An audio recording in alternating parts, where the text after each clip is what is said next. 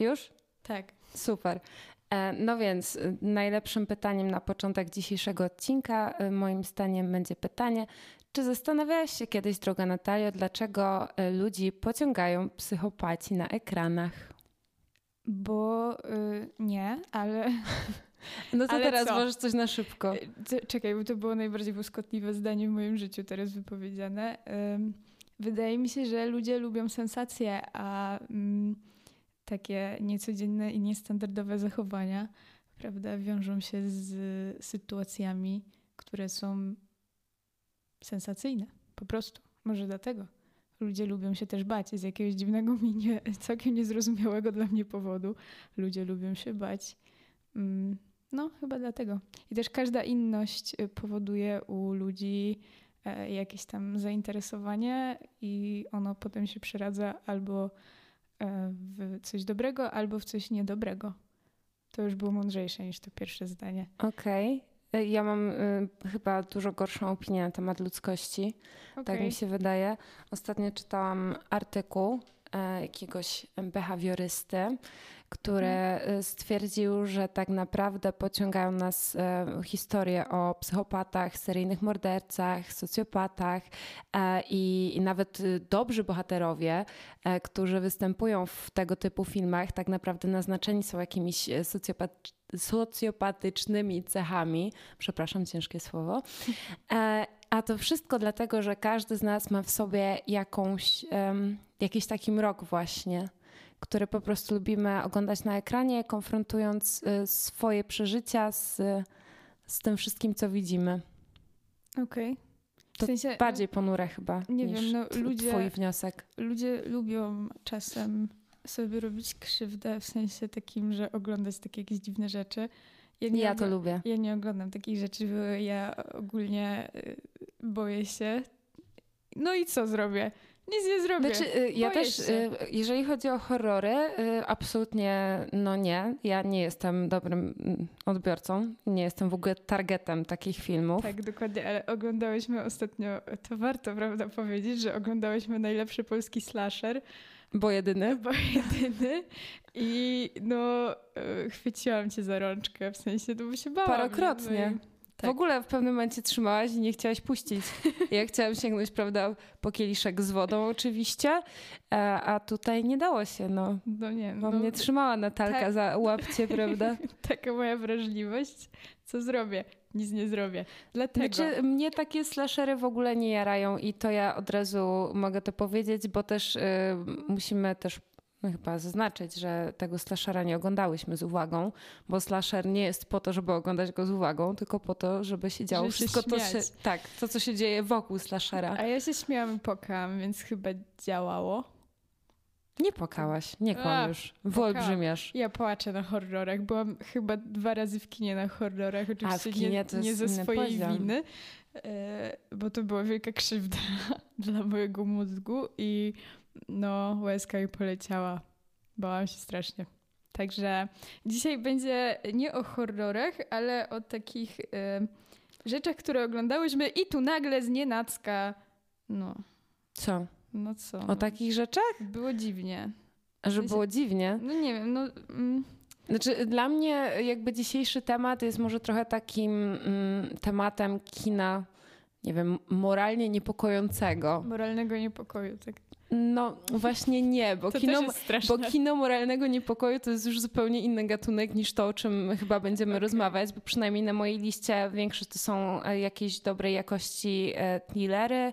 Em, Pojawia się jeden popkulturowo bardzo wykorzystany serial, który teraz oglądasz. A, tak. tak, bo tam też jest o psychopatii całkiem sporo. Także no, u mnie to tak raczej wygląda. Okej. No to y, zacznij od twojego ulubionego psychopaty, może tak? Nie wiem, czy ja mam ulubionego psychopatę. To takiego najbardziej, od którego chciałabyś zacząć. Od Teraz którego jest ten zacząć? moment. A nie chcesz ty zacząć? Ja zaczęłam cały podcast. Nie wiem, ja... Aha, aha, okej. Nie, no E. dobra, no mogę, mogę zacząć ogólnie. Jak, jak chcesz, to spoko. Nie no, bo ja tak zacznę z humorkiem, nie? Żeby było No dobra. śmiesznie. Y, Pierwsze, co jest dziwne, jak zobaczyłam i było dziwne, to Akademia Pana Kleksa. Naprawdę. Patrzysz z zażenowaniem nie, i się śmiejesz. Nie, nie, bo teraz o tym Ale pomyślałam. przeanalizuj to, jakie to jest bardzo mega creepy, żeby nie użyć słowa zaczynającego się na P, a kończącego się na... Dowi. No, no to Na chciałeś E. powiedzieć. na E. Tak. No.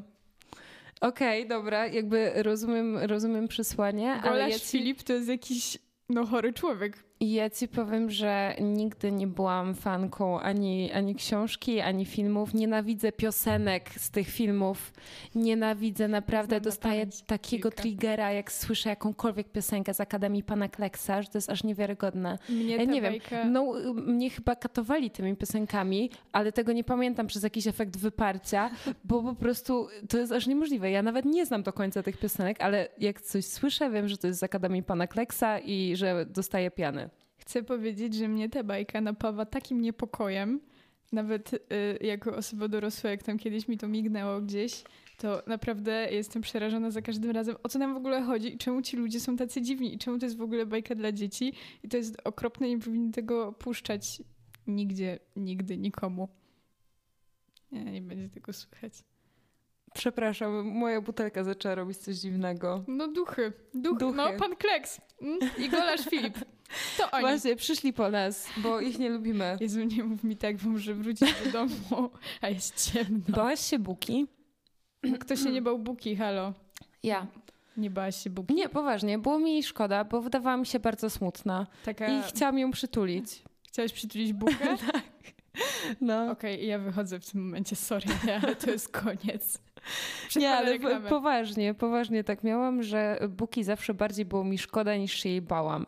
I powiem ci, że trochę to przyniosłam na swoje dorosłe życie, bo em, jakoś o dziwo potrafię spojrzeć z empatią na wszystkich e, tych e, świrów, o których będę za chwilę mówić. No może nie na wszystkich, bo nie też e, w każdym filmie psychopatia jest przedstawiona jakiś, jako jakiś taki zbiór chorób psychicznych, które wpływają na zachowanie psychopatyczne, ale do dużej części jestem w stanie poczuć empatię. Okej. I Tak ja samo chcę, jak do Buki. Chcę powiedzieć, że Jestem dziwna? tak, ale chcę powiedzieć, że ja kompletnie nie pamiętam o co chodziło w Muminkach. Oglądałam to, znam historię, wiem kto jest kim, e, wiem jakie są tam postacie, ale jakby No ciężko rozumiem... jest nie wiedzieć, że w Muminkach jest mama Muminek. No do... Jezu, dobra, ale jest też mała mi i włóczyki i to już nie jest takie oczywiste. Włóczyki jest super. Zawsze chciałam być włóczykiem. A Okej. skończyłam jako ruda mała mi. jako buka. E, Ale chcę powiedzieć, że e, buka według mnie tam chodziło o to, że ona oznacza zimę i taki ogólnie winter is coming. No proszę, jak A? ładnie tutaj nawiązałaś. widzisz, widzisz? Wow. No to co tam w tym e, Kończę- Westeros? Znaczy dzisiaj może obejrzę, dzisiaj czyli wczoraj, e, no wszystko, wszyscy wiedzą, obejrzę ostatni odcinek piątego sezonu i Współczuję. o ty! Powiedziałam rocznie. O ty, niedobra. Chcę powiedzieć, że mm, kiedy y, Theon robił złe rzeczy, bardzo chciałam, Wszyscy to już cierpiał. widzieli poza tobą, więc dobra. możesz mówić jakby spoilerowo. Aha, no ale to ja nie chciałam tego opowiadać. Okej. Co wszyscy widzieli? Co? No to. Aha, no na pewno, na pewno ktoś jeszcze nie widział. No. No, kiedy robił złe rzeczy, to życzyłam mu bardzo źle i krzyczałam na niego i mówiłam, o, bardzo brzydkie rzeczy mówiłam do niego, ale kiedy już zaczął cierpieć, to bardzo chciałam, żeby przestał cierpieć, e, a to za sprawą mm, niejakiego Ramzeja. Dokładnie jego. I jest to chyba najbardziej creepy creep, jakiego oglądałam na ekranie. Jeden z. No tak, tak na świeżo to jest w czołóweczce. Tak, e, zdecydowanie i w ogóle wydaje mi się, że podejście do przemocy w grze jest, e, jest bardzo ciekawe, e, zwłaszcza to skoncentrowane wokół dwóch postaci, czyli Joffreya Lannistera i właśnie młodego Boltona. No i cóż tu dużo mówić, no jakby y, Joffreya jestem w stanie w jakiś sposób rozgrzeszyć. Nie, że mam tak. dla niego empatię, ale to jest y, chłopiec, który pochodzi ze Związku Kazirodczego, e, co w jakiś sposób mogło wpłynąć na jego zaburzenia. Poza tym był wychowywany w takich, a nie innych warunkach. Nie, żeby młody Bolton był wychowywany w innych, nie? No bo nie był no nie. tak do końca. E, aczkolwiek, nie wiem, dla Joffreya mam jakieś takie większe zrozumienie może? Nie wiem, bo on był już naprawdę chory. To tak. też nie wynikało do końca z rządzy władzy, tylko z takiej mm, dewiacji. Tak, był dziwny, to prawda. Też bardzo źle mu życzyłam i cieszyłam się, że zakończył e, Swój swoje, żywot. swoje królowanie. E, natomiast y, młody Bolton, no to jest jakby poprzeczka zawieszona, tak wysoko, że ciężko to przebić, wydaje mi się. Tak, bo y, nie wiem, wydaje mi się, że mm, u Joffreya ta przemoc, którą wykorzystywał, była w jakiś sposób bardziej uzasadniona. E, na przykład, nie wiem, tak odbieram to, że on poniżał Sansę i robił to oczywiście dla swojej frajdy, natomiast to też mogło wynikać z tego, w jaki sposób Robert poniżał jego matkę, tak? Y, I w jaki sposób chciał to sobie odbić, albo może nawet nie odbić, tylko myślał, że tak to powinno funkcjonować. Ale to jak zaraz przejdziemy pewnie do tego serialu, y, o którym chcemy obie powiedzieć, wydaje mi się, że większość osób, które w dorosłym życiu robi okropne rzeczy i dopuszcza się czynów, o których normalny człowiek nawet by nie pomyślał, że coś takiego można zrobić, e, no to wszystko siedzi gdzieś tam w dzieciństwie i szczególnie e, tutaj winne ponoszą matki i babki tych osób. Tak Prawda. Zdecydowanie. Moja butelka znowu wydaje dziwne Ona odgłosy. wydaje dźwięki i... i mam nadzieję, że to nie młody Bolton, akurat, bo... akurat przy tym podcaście, nie? Patrz, tak. Zawsze była grzeczna. Jakby Dobra, już mam schizę 3000, więc dalej, dalej. E, dalej. Znaczy ja jeszcze chciałam coś e, w sumie o tej grze o tron powiedzieć, bo e, jak już powiedziałam, tego Joffreya jestem w sumie w stanie bardziej zrozumieć, natomiast u, u Boltona czy u takiej Cersei, która też ma jakieś tam so, tak, socjopatyczne, o o na pewno, psychopatyczne chyba też zachowania, mm, u nich to wynika bardziej z takiej rządzy władzy i, i to jest już mniej jakby do rozgrzeszenia w cudzysłowie oczywiście, no bo takich rzeczy rozgrzeszyć się chyba nie da. W każdym razie ja bym nie potrafiła. Um, natomiast u nich to jest jeszcze takie bardziej prymitywne, nie? No bo to wynika właśnie tak z czystej chęci sprawiania komuś, komuś krzywdy, krzywdy, i zdobycia władzy jeszcze dodatkowo u Cersei.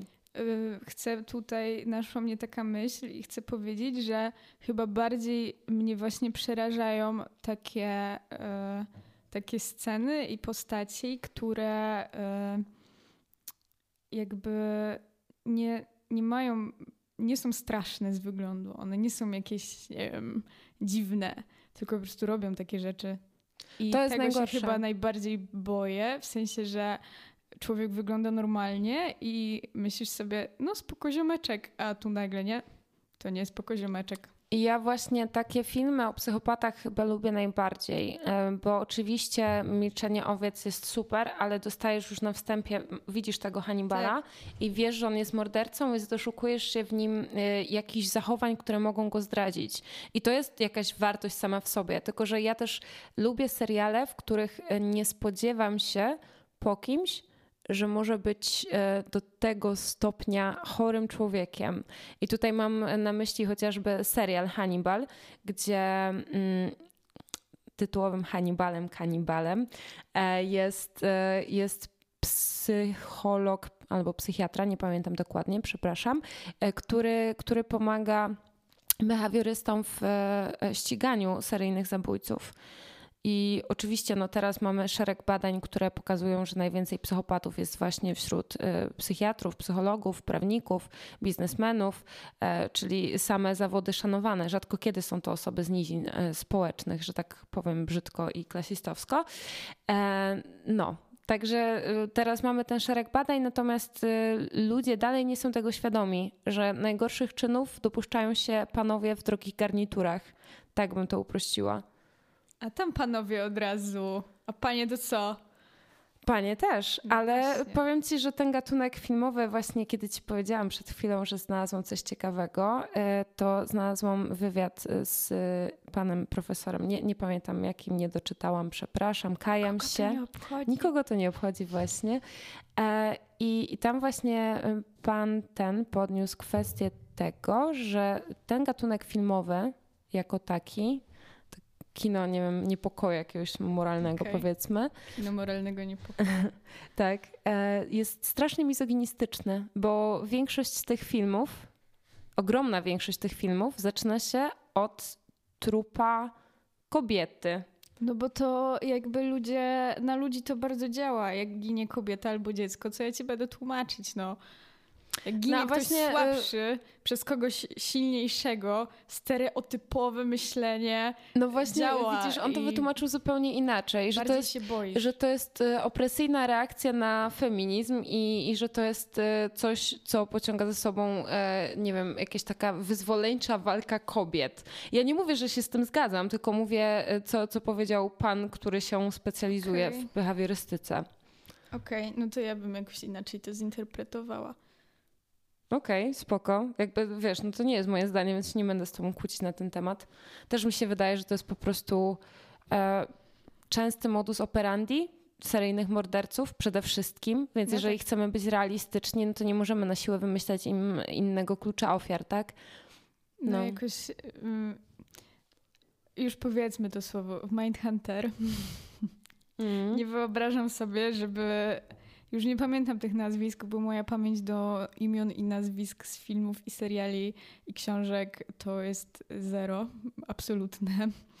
E, nie pamiętam, ale no nie wyobrażam sobie, żeby część tych psychopatów tam pokazana i morderców zabijało, nie wiem, dwumetrowych mężczyzn, tak? To nie tak działa.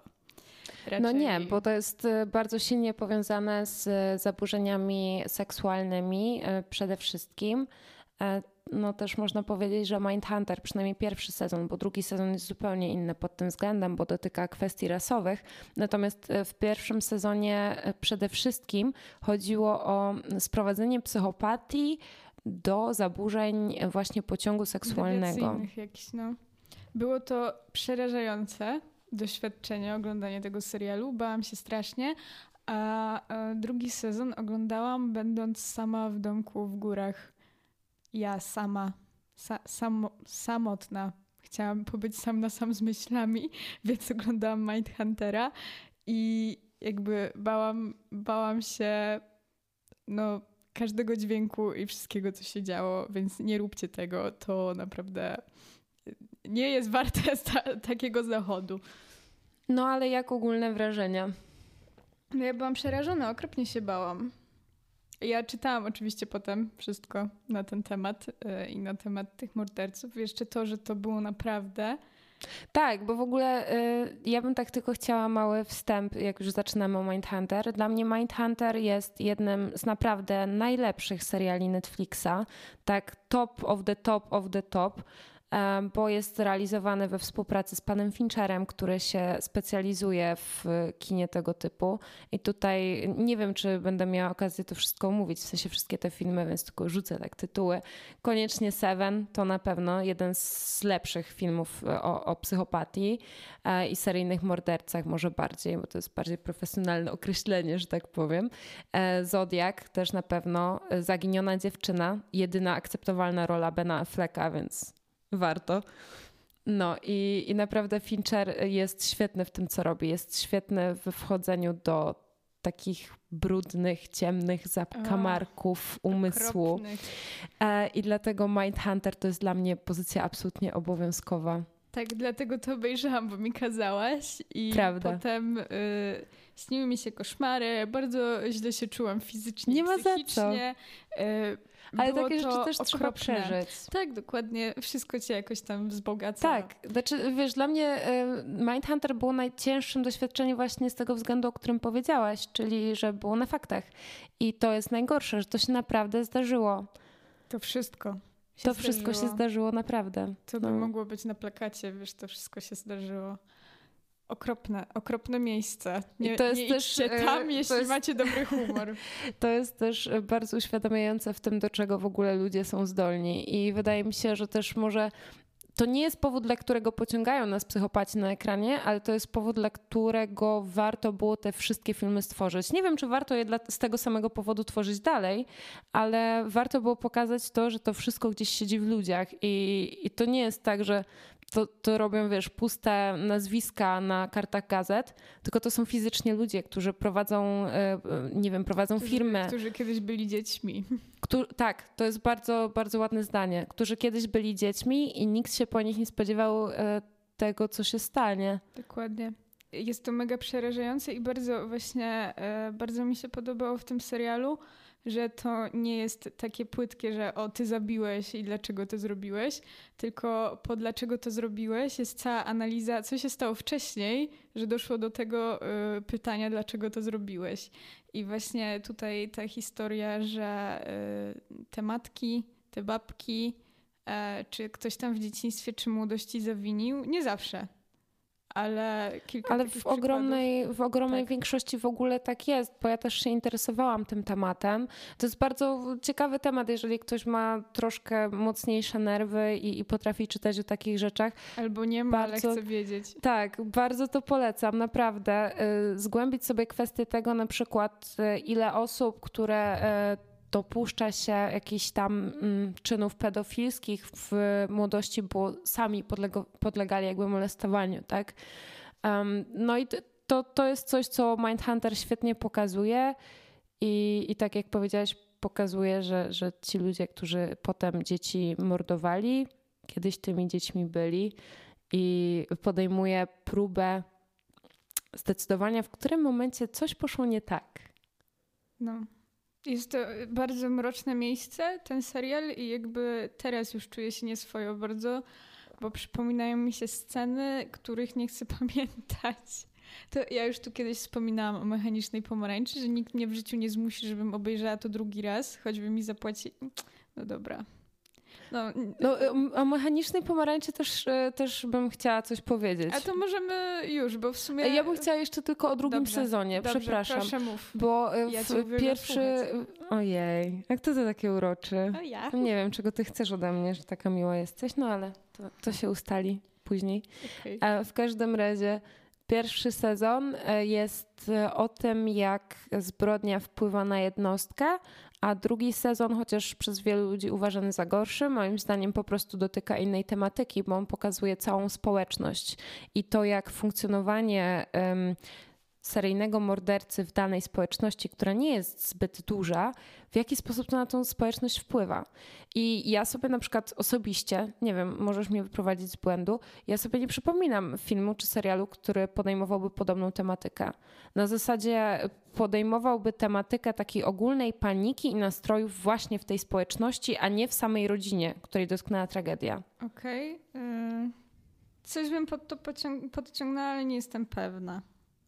Ale to zupełnie coś jakby innego. Nie, nie chodzi o zabijanie dzieci. A, okej. Okay. Nie wiem. Wydaje mi się, że mówiłyśmy też, no na pewno o silnej społeczności jest unorthodox, to... Ale to zupełnie nie o to mi no tak, chodzi. Tak, ja chodzi rozumiem. mi o to, w jaki sposób ta konkretna tragedia wpływa na społeczność. Mhm. Tak jak na przykład miałaś y, wampira z Zagłębia, tak? Mhm. I oczywiście możemy opowiedzieć tą historię przez pryzmat jednostek, których y, ten dramat dotknął, ale możemy też opowiedzieć o całej psychozie, która dotknęła całego regionu, tak. który bał się wychodzić y, po zmroku z domu. Mhm. I właśnie to mi się podobało w drugim sezonie Mindhunter i, i ja wolę na to spojrzeć w ten sposób, aniżeli e, w, w taki, jak e, patrzą na to krytycy, czyli na przykład, a tutaj miał być, prawda, nie wiem, tu miał być ten psychopata, tu miała być taka rozmowa i, i coś mało tych rozmów. Mhm. No tych rozmów było mniej, ale to, to jest coś kosztem czegoś. Bardziej nie? już skupili się na, e, na głównym bohaterze, tak mi się wydaje, i pokazali mm. jego roz, nie wiem, nie wiem jak to nazwać nawet, ale no ja na jego miejscu mi by głowa wybuchła i tak by się to skończyło. No, co tu zrobić? Nic. To jest, to jest też bardzo ciekawe i, i też to było, to jest akurat fragment, z którym się zgadzam, z tego artykułu, który czytałam przed, bezpośrednio przed nagraniem. E, mianowicie tam e, pan wypowiadający się podniósł kwestię tego, że każdy pozytywny bohater w tego typu filmach tak naprawdę sam w sobie ma jakieś socjopatyczne zaburzenia. I to widać chociażby właśnie w Mindhunter, gdzie dwóch głównych bohaterów nie radzi sobie ze swoją pracą i u nich to z tego wynika. Chociaż uważam, że młodszy z agentów, przepraszam, nie pamiętam nazwisk, no, no młodszy y, Ford czy Holden, bo było ich dwóch. Jezu, nie wiem. No nieważne. W każdym razie młodszy z panów detektywów moim zdaniem już wchodzi w tą pracę z zaburzeniami e, tak. osobowości i ta praca tylko je uwydatniła, tak? No i tak samo to będzie wyglądało chociażby w przypadku kolejnego fantastycznego serialu z kolei z HBO, czyli Detective, e, True Detective, tak brzmi tytuł po angielsku. Pierwszy sezon z Matthew McConaughey jest wow, naprawdę wow. Tak, okay, to, to, jeszcze skończę. przede mną, bo ja HBO mam od niedawna, wstyd się przyznać, ale na razie e, jakby lecę klasyczkami i tym, co mi podrzucasz, to jest ty niedobra. Też, to jest też klasyczek. No ja wiem, ja mam całą tam listę zapełnioną, ale no ja nie mam fizycznie czasu. Mi by musieli dorobić jeszcze jeden dzień, jakby w tygodniu, w którym ja bym tylko oglądała te rzeczy, których nie oglądałam nigdy wcześniej. No, tak powinno być. Jakby czekam na propozycję. E, nie wiem od kogo, ale mm, ja chcę jeszcze jeden dzień na oglądanie seriali. Wtedy, wtedy może to nadrobię kiedyś. No ale całkiem nieźle sobie radzisz, powiem ci. No, pięć sezonów Gry o Tron w niecały miesiąc to jest jakiś wyczyn. Biorąc pod uwagę fakt, że ciągle ci podrzucam jeszcze inne rzeczy, które masz oglądać, to yy, wow. Mi już oczy wypływają. Gałki oczne, po prostu ciśnienie 500 i zaraz wybuchną, ale oglądam. Nie poddaję się. No. no o tym, co teraz oglądasz i o tym, co ja oglądam, to myślę, że za tydzień już damy radę nagrać. A bo... jutro damy radę nagrać. Nie no, za tydzień e, myślę, że spoko. Bardzo ładny przedświąteczny odcinek nas czeka, tak myślę. Tak, Albo bardzo. już noworoczny, w sumie, nie wiem. Jak Zobaczymy. No ale y, to będzie zupełnie inny klimat od Oj, dzisiejszego. Zupełnie. Dzisiaj jest mrocznie i strasznie i jak jakoś cudem dotrę do domu i nie umrę po drodze ze strachu przed własnym cieniem, to yy, obejrzę ten serial, o którym mowa, tak tajemniczy, enigmatyczny. No. Niech się zastanawiają. Ale powiem wam, że jest chyba nawet lepszy, jest lepszy niż Gambit Królowej. O, jest. A mówiłam, że nie zobaczę w tym roku nic lepszego. Widzisz, jak to jest? Never, never say never. Never say never. Dobra, wróćmy na ziemię od tych przyjemnych rzeczy. Mechaniczne pomarańcza. Nie, no nigdy w życiu więcej. Nie, jak sobie przypomnę, to o nie, ja ten film oglądałam na telefonie i kilka razy mi spadł ten telefon. No, filmem. mechaniczna pomarańcza jest bardziej filmowym przeżyciem niż seansem, moim zdaniem, i chyba to już kiedyś w podcaście mówiłam, że to jest coś, co się przeżywa, a nie co się ogląda. Jest to przerażające. Do dzisiaj nie umiem słuchać I'm Singing in the Rain, tak. bo od razu mam w głowie scenę gwałtu. E, I co tam jeszcze ciekawego? O, bardzo mi się podoba podejście do przemocy Kubricka, bo chyba y, nikt wcześniej nie podszedł do tego w tak psycholski sposób, bo ta przemoc jest naprawdę podana w białych rękawiczkach. Ona jest taka syntetycznie podana, nie? Tak. To jest tak, wiesz, to jest taka kumulacja tej przemocy, którą się uskutecznia tylko dlatego, że sprawia ci to jakąś przyjemność? Mi to nie sprawiło żadnej przyjemności, ale y, nie umiałam przestać, w sensie i nigdy już tego nie zobaczę, y, ale oglądałam to i bałam się strasznie, w sensie to nie był taki strach, że o Boże, zaraz coś wyskoczy, a ktoś umrze. Nie, to był dużo to gorszy jest, strach. To tak po prostu kora mózgowa drętwieje, no naprawdę mhm. to się wbija jak no nie wiem, nie wiem do czego to w ogóle porównać, ale to bardziej sprawia taki ból psychiczny. Tak, to, to boli. Naprawdę oglądanie mechanicznej pomarańczy, czytanie mechanicznej pomarańczy naprawdę boli. Może jeszcze tak y, dodajmy, o czym to jest w ogóle. No, to jest taki ja dystopijny... Tak to jest dystopijny obraz przyszłości, w której e, gangi młodzieżowe przejmują kontrolę nad ulicami e, i tak naprawdę no, są tam ludzie, którzy prowadzą w jakiś sposób normalne życie, na przykład rodzice głównego bohatera Alexa. Mm, natomiast no, to jest to jest taka mniejszość raczej, bo rzeczywiście ta przestępczość jest na bardzo wysokim poziomie.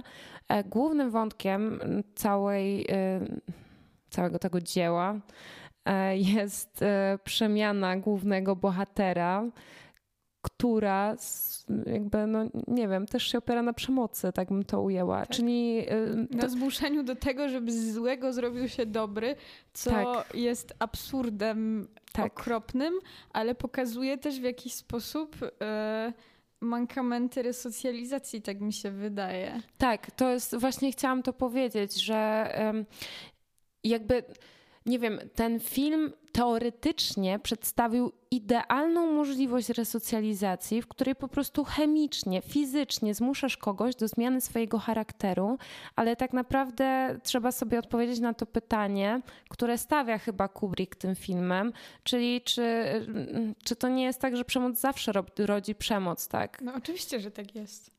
No, Oczywiście, że tak jest. I bohaterowie w tym filmie jakby tego nie widzą, nie? I to jest chyba ten główny dylemat, który, który się w filmie pojawia. Jest to. Tam jest bardzo dużo pytań, bardzo ciężko to ogarnąć w ogóle. Um, tak naraz, co, o co tam w ogóle chodzi i dlaczego, i pytania rodzą pytania, a y, jakby dyskomfort oglądania tego jest, no nie wiem, jak, jakbyś była gdzieś, gdzie ci robią krzywdę fizyczną, ale musisz to wytrzymać, nie? Jakby... Dokładnie tak, jak jest ta scena z Aleksem, któremu trzymają, wiesz, A, e, nie, te nie, powieki. Ale ja nie chcę o tym pamiętać. Żeby... Proszę przestać. tak, żeby oglądał obrazy, obrazy przemocy, a w tle leci jego ulubiona symfonia. Um, i, I później za każdym razem, kiedy symfonię słyszy, to cierpi fizycznie. Tak. Tak, no tortury, jest to. Po prostu tortury. Tak, to, to były tortury i, i, właśnie to jest najciekawsze pytanie, które Kubrick stawia, czyli czy takie tortury wobec osób e, zdemoralizowanych doszczętnie, wobec których można powiedzieć, że raczej nie ma nadziei na resocjalizację, czy one są usprawiedliwione. No i oczywiście każdy z nas instynktownie odpowie, że nie, tylko że Kubrick to przedstawia w bardzo specyficzny sposób, bo na samym początku główny bohater jest pokazany jako najgorszy z najgorszych. No, większego psychola chyba nie widziałam na ekranie. E, już na pewno nie czytałam o większym psycholu, bo książka to jest wyższy poziom. To jest naprawdę wyższy poziom tego wszystkiego, co się działo w tym filmie. Mm, tym bardziej, że działa Twoja wyobraźnia, nie? To jest. Och, Moja okropna myślę, rzecz. żeby przestała działać. No okropna rzecz to jest. A mimo wszystko jakby na samym końcu u mnie wzbudza litość, tylko nie wiem, czy u wszystkich, nie? Yy, tak, to jest tak jak z Tionem że Theonem, sorry, że yy, chcesz, no. żeby cierpiał, a jak już cierpi, to, to jest ci go żal i chcesz, żeby przestał cierpieć, bo przecież nie można aż tak cierpieć. Niech znaczy wiesz, no Tion nie zrobił aż tak złych no nie, nie, rzeczy nie. chyba no, personalnie, chociaż, no. chociaż odpowiadał za większą ilość śmierci to niczego nie zrobił swoimi rękoma. To jest też bardzo ciekawe, nie? A, widzisz. To jest widzisz. bardzo ciekawe, że jakby y, nawet jeżeli ktoś w brutalny sposób zabije tylko jedną osobę i porównamy go z osobą, która rozkazem zabiła, nie wiem, 100 osób, no to, to i tak zawsze ten pierwszy będzie gorszym, nie? Piękny wstęp do Hany Arendt yy, i, i spowiedzi Eichmana jakby ja mam tą książkę, leży u mnie przy łóżku i nie wiem kiedy się nią zajmę, ale muszę ją oddać do biblioteki w przyszłym tygodniu, więc ją przeczytam raczej w ten weekend. E, no, wa warto. Myślę, że warto, bo słyszałam, czytałam o tej książce, czytałam o książce, fajnie, nie? Tak właśnie robię, zamiast książkę przeczytać, to czytam o książce. Streszczenia, jak na maturkę. No właśnie nie, bo dużo wykładów, praktycznie był taki tydzień, że na wszystkich zajęciach na uczelni y, ktoś mówił o Hanie Arendt i w końcu y, wzięłam się y, do, pozbierałam się i wypożyczam, mm, nie pamiętam tytułu, bo tam jest o banalności zła no i chodzi o Adolfa Eichmana, e, SS-mana, który rozkazem zabił miliony mm, istnień ludzkich. E, bardzo też ciekawe spojrzenie na to, że on mówił, że tylko wykonywał rozkazy i że podpisywał dokumenty. On tak naprawdę siedział za biurkiem i nigdy żadnego z tych ludzi nie widział. No tak, oczywiście jest jakaś tam metafora, ale no, nie widział tych ludzi, których zabijał. Więc jakby e, no, o banalności zła i o takiej bardzo um, urzędniczej robocie polegającej na y, podpisywaniu dokumentów i jakiegoś tam działania w harmonogramach i tabelach, które odzwierciedlenie ma w rzeczywistości, a ta rzeczywistość to no wszyscy wiedzą co. No tak. I w zasadzie wiesz co, wydaje mi się, że najlepszym... To dopiero psychiczne. tak, to jest psychiczne. Najlepszym podsumowaniem chyba w ogóle tej maszyny, że tak powiem, biurokratycznej, która doprowadziła do tragedii milionów ludzi, jest cytat Stalina, jakby jakkolwiek głupio to nie zabrzmi, ha, ha, ha. czyli no, że śmierć jednostki to jest tragedia, śmierć miliona to tylko statystyka. To, to, była parafraza, bo nie pamiętam jak dokładnie no, brzmi ten cytat. To, to, chyba tak było właśnie. To chyba coś, coś w ten deseń i, i to jest y, rzeczywiście bardzo ciekawe, jak y, funkcjonuje ludzka psychika w momencie, kiedy podpisuje takie rozkazy. Bo z jednej strony tłumaczysz sobie to rozkaz, a z drugiej no, nikt nie zareagował.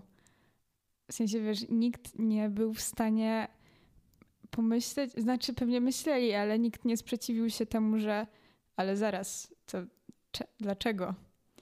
No i właśnie e, Hannah. Arendt spoko. Mm, tam jest kilka książek. Jestem e, ciekawa, co, co powiesz o tej książce i, i, co mi powiesz o niej prywatnie, bo ja też wychodzę z założenia, że duża część e, tych osób e, wcale nie, nie była w jakiś sposób, nie wiem, bliska nawet psychopatii, tylko albo wykonywała rozkazy, tak jak powiedziałaś, bo, bo bała się o swoje życie, bo gdyby nie on, gdyby nie on, ktoś inny wykonałby ten rozkaz, Dokładnie. ktoś inny podpisałby ten dokument, a on sam skończyłby, że on sam to pewnie jeszcze mniejsza dla niego tragedia niż to, że jego rodzina skończyłaby bardzo źle, tak?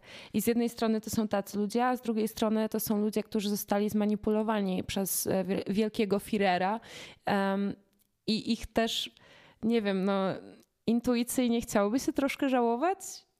Zresztą tutaj już jakby odbiegamy strasznie od tematu, ale no na tym właśnie polega propaganda. I jakby się tak bardzo mocno zastanowić, no nie trzeba mocno, tak leciutko troszeczkę i spojrzeć na dzisiejszy świat, e, bliski, daleki, to propaganda dalej ma się bardzo dobrze i nigdy nie przestała. To e, prawda. I jeśli ktoś bardzo chce, to zamiesza w umysłach ludzi e, i oni będą robić nieświadomie to, co on chce. W sensie ta osoba. I to jest dopiero, wiesz, osoba, która stoi na, na szczycie tej piramidy. To jest dopiero wielki umysł. I tutaj wydaje mi się, że dochodzimy do, do tego, dlaczego nas pasjonują złe, złe charaktery, bo one zawsze mają jakąś pozytywną cechę.